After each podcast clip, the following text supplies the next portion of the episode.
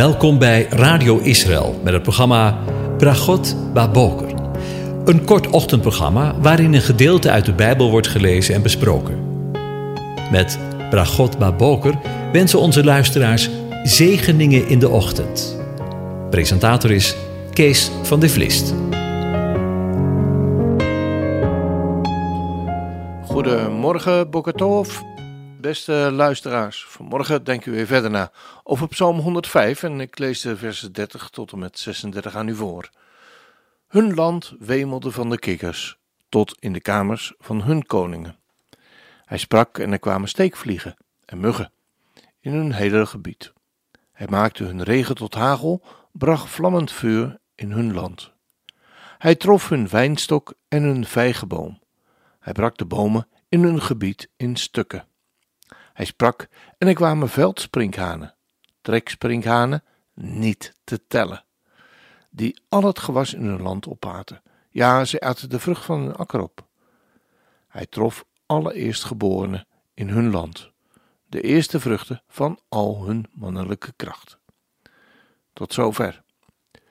Over de slang gesproken. Het eerste wonder met betrekking tot de wonderen van Israël, van Egypte, was inderdaad de eeuwige pakte Apophis, de slang, de belichaming van het kwaad aan. Laten we nog eens lezen wat er staat daarover in Exodus 7. De eeuwige echter zei tot Mosje, Mozes, zie, ik stel u als God voor Farao en uw broeder Aharon, Aaron, zal uw profeet zijn. Gij zult alles zeggen wat ik u gebied. En uw broeder Aaron zal bij Farao het woord voeren, opdat deze Israëlieten uit zijn land laat gaan. Maar ik zal het hart van Farao verstokken en zal mijn tekenen en wonderen talrijk maken in het land Egypte.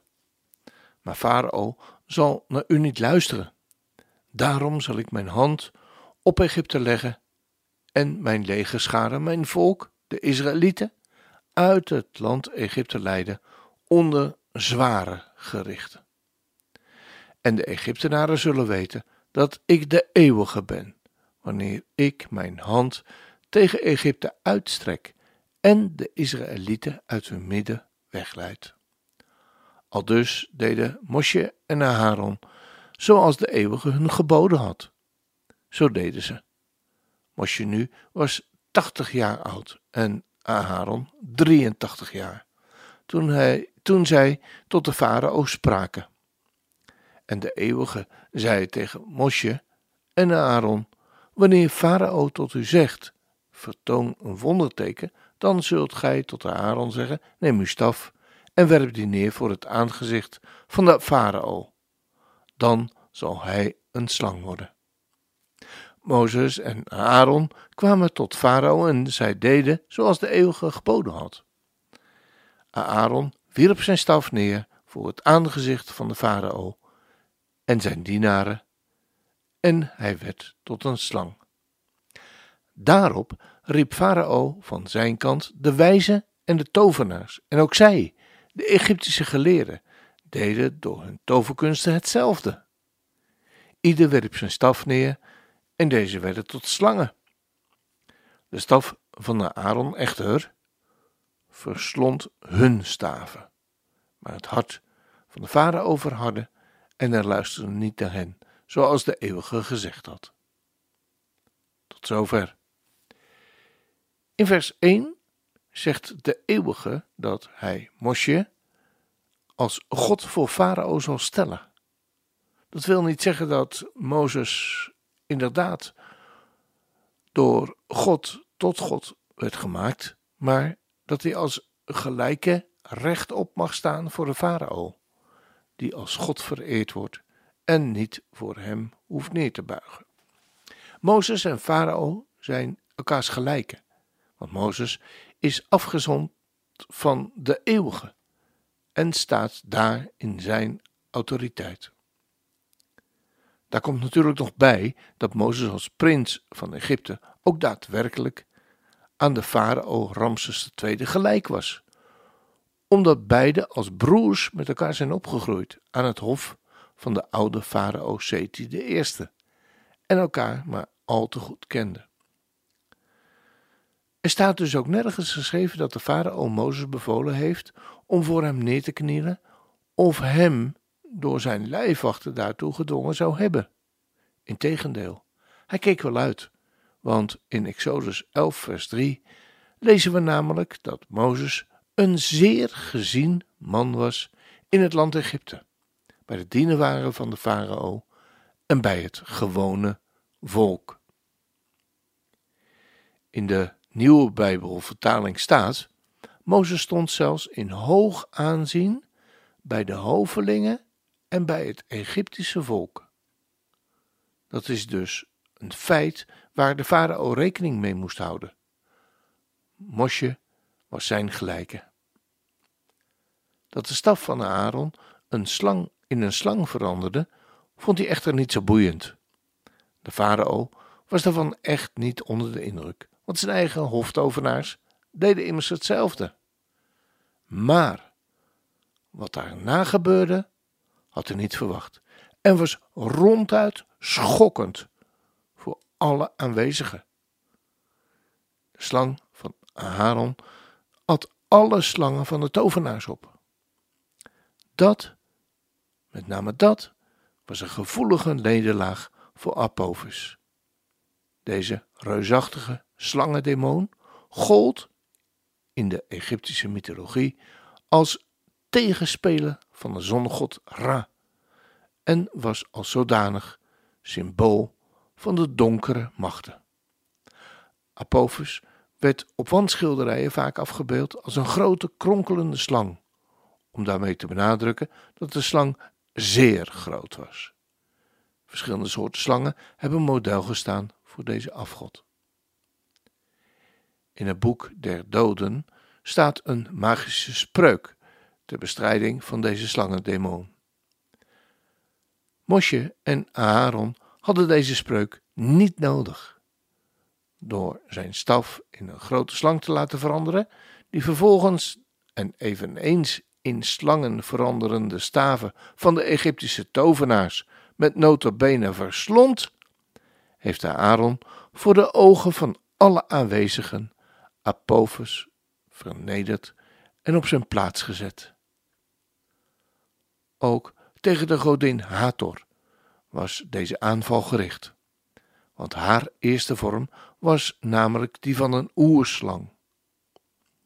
Op zeker gebied was zij erg vertoornd en dreigde ermee de hele schepping te vernietigen en zelf terug haar vorm van slangengodin aan te nemen. Daarom wordt zij vaak afgebeeld met een cobra op het voorhoofd en zelfs op de hoofdtooi zelf ontbreekt de cobra niet het symbool dat herinnert aan de oorvorm van de moedergodin, de slang. Het Hebreeuwse woord tanin, dat in deze tekst met slang wordt vertaald en in andere Bijbelteksten het monster, of in een Griekse Septuagint zelfs met draak, heeft echter de betekenis ook van een krokodil. Als we dus van deze vertaling uitgaan, wordt door de schrikaanjagende wonder met de staf van de Aaron naast Apophis nog een andere Egyptische afgod voor schut gezet en overwonnen. Sobek, die doorgaans wordt afgebeeld met een krokodillenkop. Sobek was de zoon van de moedergodin Nit en werd vooral vereerd in Fayum. Die regio werd zo sterk geassocieerd met de krokodillengod dat de Grieken een stad in de buurt zelfs Crocodipolis noemden. Sobek was de god van het water. En vervolgens de Egyptische mythologie is de Nijl ontstaan uit zijn zweet. Daarom symboliseerde deze godheid met de kop van een krokodil de vruchtbaarheid van de Nijl en de kracht van de farao's. De kracht van de farao werd gebroken doordat de reptielen van de tovenaars werden verslonden door het reptiel van Aaron. Maar de vruchtbaarheid van de Nijl werd vernietigd en aangetast door de eerste plaag. En opnieuw zien we een vergelijking, een teken, een beeld met betrekking tot de oude slang. De slang uit Genesis 3, waar we lezen: Toen zei de Heere God tegen de slang: Omdat je dit gedaan hebt, ben je vervloekt. Onder al het vee en onder alle dieren van het veld. Op je buik zul je gaan en stof zul je eten. Al de dagen van je leven. En ik zal vijandschap teweeg brengen tussen u en de vrouw. En tussen u, uw nageslacht en haar nageslacht. En dat laatste nageslacht, dat schrijven we met een hoofdletter. Want we weten wie dat, komt, wie dat is. Dat, of hij, zal u de kop vermorzelen. En u zult het de hiel vermorzelen. Daar, in het begin van het menselijk geslacht, wordt de nederlaag van de slang al aangekondigd. En wordt geprofeteerd dat de kop en de hiel vermorzeld zullen worden. We zien het ook plaatsvinden in het gelezen geschiedenis van Mozes en Aaron, waarin niets van de slang van de tovenaars overblijft. De slangen van de tovenaars worden bij wijze van spreken met huid en haar opgevreten. nog eenmaal komen we de slang tegen, en wel, inderdaad, u raadt het al, in openbaring, waar we lezen, en ik zag een engel neerdalen uit de hemel, met de sleutel van de afgrond en een grote ketting in zijn hand. En hij greep de draak, de oude slang, dat is de duivel en de Satan, en bond hem voor duizend jaren. En wierp hem in de afgrond en sloot hem daarom op en verzegelde die boven hem, opdat hij de volken niet meer zou misleiden, totdat de duizend jaar tot een einde zullen komen. En daarna moet hij een korte tijd worden losgelaten. En ik zag tronen, en zij gingen daarop zitten, en het oordeel werd hun gegeven. En ik zag de zielen van hen die onthoofd waren, om het getuigenis van Jezus, Yeshua, en om het woord van God, en die het beest en zijn beeld niet hadden aanbeden, en die het merkteken niet ontvangen hadden op hun hoofd. En op hun hand. En zij leefden en gingen als koningen regeren met Christus, duizend jaar lang. Maar de overige van de doden werden niet weer levend, totdat de duizend jaar tot een einde gekomen waren. Dit is de eerste opstanding. Zalig en heilig is hij die deel heeft aan de eerste opstanding. Over hen heeft de dood, de dood geen macht. Maar ze zullen priesters van God en van Christus zijn. En ze zullen met hem als koningen regeren, duizend jaar lang.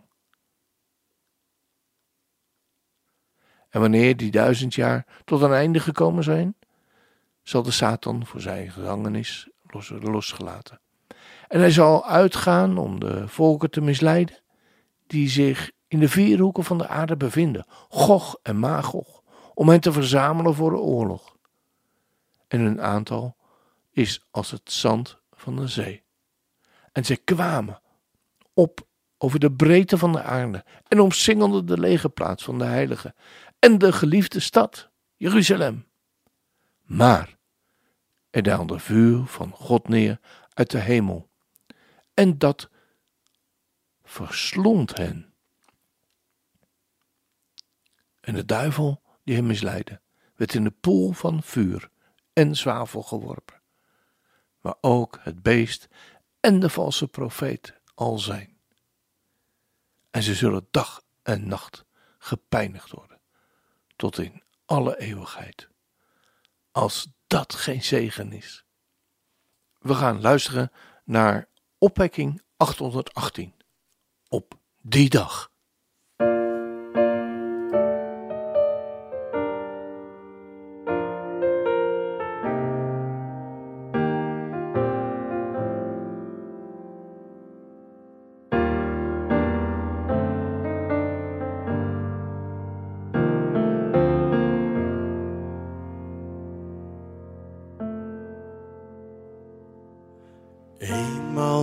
Maakt u alles weer nieuw.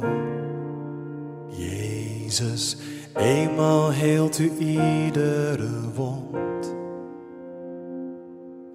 Heel de oude wereld verdwijnt, de pijn voorbij.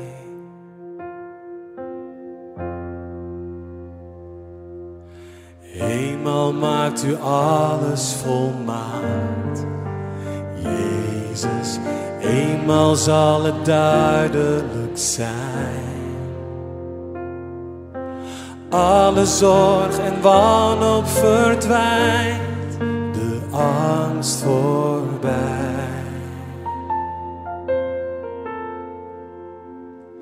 Op die dag in de hemel, wat een dag, wat een vreugde zal zijn. Dan zijn wij bij Jezus en klinkt het overwinningslied. Eenmaal oog in oog met de Heer. Jezus kan genade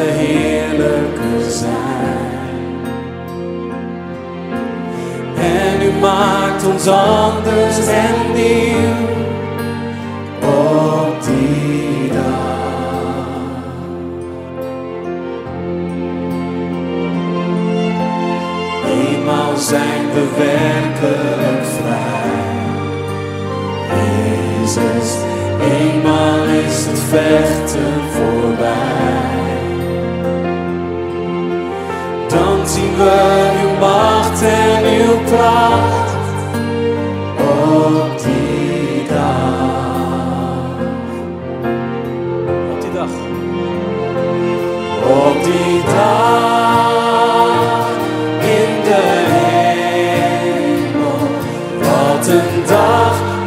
een vreugde zal dat zijn.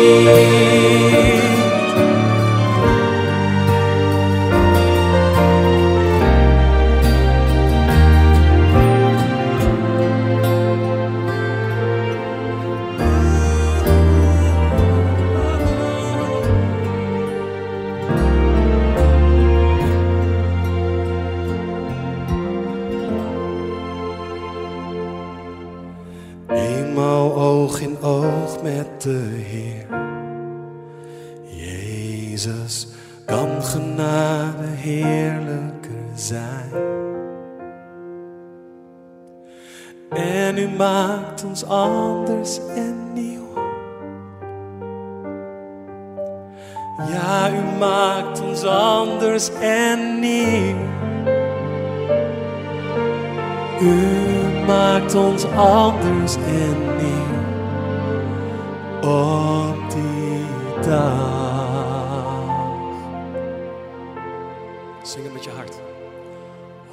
Op die